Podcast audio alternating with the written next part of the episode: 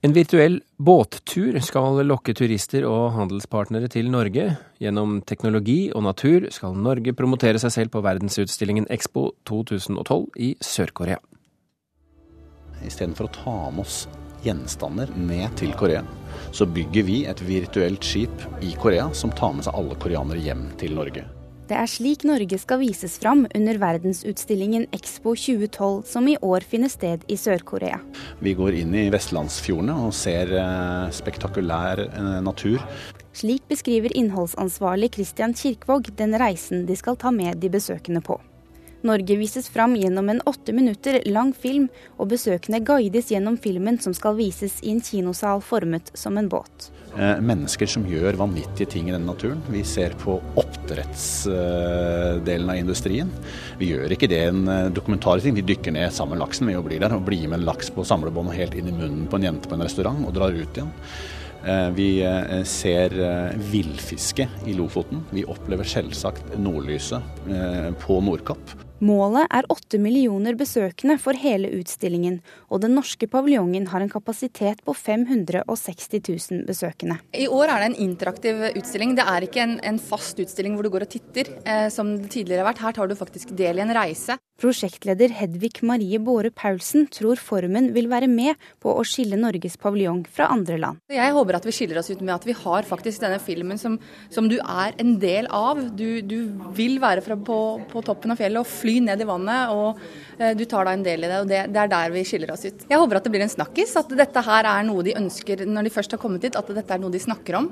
Eh, eh, vi, jeg har snakket med veldig mange andre paviljonger, og vi har en helt annen paviljong enn det, det de, de, som jeg har snakket med som deltar også på den Expo. Nærings- og handelsminister Trond Giske mener det er viktig å nå ut til land i Asia med tanke på handelssamarbeid og turisme. Asia, i motsetning til Europa, har vekst på 7-8-9-10% i ulike land. Eh, Sør-Korea er allerede verdens 15. største økonomi. Eh, Kina kommer til å bli verdens største økonomi, og Japan er per nå verdens tredje største økonomi, så dette er en viktig region å presentere seg i. Han tror den virtuelle båtturen til Norge vil fenge. Vi skal vise fram norsk eh, natur og vi skal vise fram norsk kultur, men i et eh, land som Sør-Korea, som er utrolig teknoopptatt, så er det også viktig å vise det moderne teknologiske Norge. I 2010 fikk Norge skryt for arkitekturen i den norske paviljongen. Årets utstilling fokuserer i større grad på innholdet, forklarer innholdsansvarlig Christian Kirkvåg. Vi har en arkitektur vi, som eh, utelukkende er til for én ting, og det er å styrke konseptet. Så vi har ikke en arkitektur med bruk av utstart bruk av visse materialer fra Norge som noe fokus i det hele tatt. Eh, det tillater ikke denne skoesken. Vi har en, eh, en arkitektur som er laget for å styrke den totale opplevelsen. Etter å ha vært gjennom eh, to tredjedeler av utstillingen, som er bli med på denne reisen, og tilbake, så går vi fysisk sett i land. Det sa Christian Kirkvåg, innholdsansvarlig i årets norske paviljong på verdensutstillingen Expo. Reporter her det var Ina Charlotte Fjellhøy. Nils Apeland, eh, kommunikasjonsrådgiver og lektor ved Markedshøgskolen, eh, som også har skrevet boken Det gode selskap om omdømmebygging i praksis. Hva syns du om det du hører her? Jeg syns det høres lovende ut. Eh, det virker som man her har lagt vekt på en større grad av opplevelse enn det var i Shanghai for to år siden. Og jeg tror dette konseptet kan bli spennende og, og virke pirrende på både koreanere og andre som besøker Norges paviljong. Men det virker jo ikke som det er spesielt nytt, for vi har jo sett dette på Epcot-senteret allerede på midten av 80-tallet. Noe av det samme i hvert fall. Ja, det ble sagt her at film er spesielt, og det er det jo ikke. Eh, nå har jo ikke jeg sett noen av disse filmene, jeg har bare sett noen skisser til program på et papir. Jeg syns likevel det ser lovende ut. Spørsmålet er om man klarer å skape en opplevelse for de som både er med og ser denne filmen, og etterpå når de skal få oppleve ting fra norsk kystkultur. Det jeg savnet da jeg besøkte Norges paviljong i Shanghai, og også besøkte mange av de andre paviljongene, var nettopp en opplevelse. Å få smake på noe, å få kjenne på noe, å få drikke noe, eh, få kulde i ansiktet. Og jeg er spent på om man f.eks. får seg en bit med laks på Bryggen i Bergen. Eh, hvor viktig er det for Norge å være med på denne verdensutstillingen? Dette er jo en såkalt mellomekspo, så det er ikke en av de største utstillingene. Men jeg tror det er viktig. Eh, og En av grunnene til det er at eh, i dag er det veldig lett å kommunisere med folk via f.eks. internett. og Man kan få korte og flyktige møter. Men en utstilling som dette gir, gir altså publikum en anledning til å faktisk gå inn i Norge og kanskje bruke 5-10-15-20 minutter der. Og det syns jeg er verdifullt. Spørsmålet er om folk blir forelsket når de går ut igjen og har lyst til å innlede en mer varig relasjon. F.eks. med å besøke Norge, eller med å snakke videre med norske næringslivsfolk.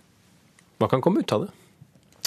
Jeg tror en sånn utstilling har eh, to hovedgevinster. Det ene er at norsk næringsliv, de norske bedriftene, Wilhelmsen, Kongsberg osv. kan benytte dette i relasjonsbygging til sine asiatiske kontakter. Og det kan nok også skape en del eh, turisttrafikk til Norge. Men man skal nok ikke overvurdere den effekten, for det er mange ting som spiller sammen her. Og svært mange i Asia har jo ikke engang råd til å reise så langt. Så, eh, men at man kan skape en opplevelse som de sitter igjen med, og kanskje at de kommer hit om ti 15-20 år til og med, kan også være en gevinst. Men når man nå først har opprettet en, en slags relasjon og en, skapt en interesse, hvordan burde Norge eh, presentere seg for Asia og, og, verden for øvrig for å opprettholde det som, eh, som er, folk er interessert i? Det er et langt spørsmål å besvare. Eh, jeg tror mye av grunnlaget er lagt å få folk inn på paviljongen, gi dem som sagt en god opplevelse.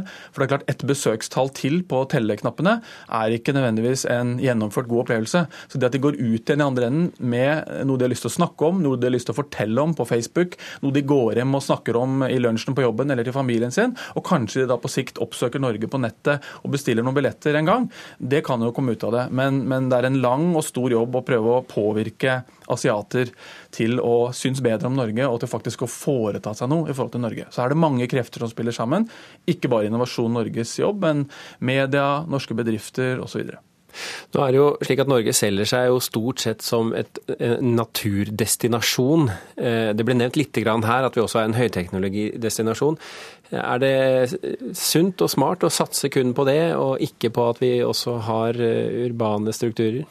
Det vil det være delte meninger om. Jeg syns de som har vunnet konkurransen i år, har klart å treffe veldig godt på eh, temaet, nemlig The Living Ocean and Coast.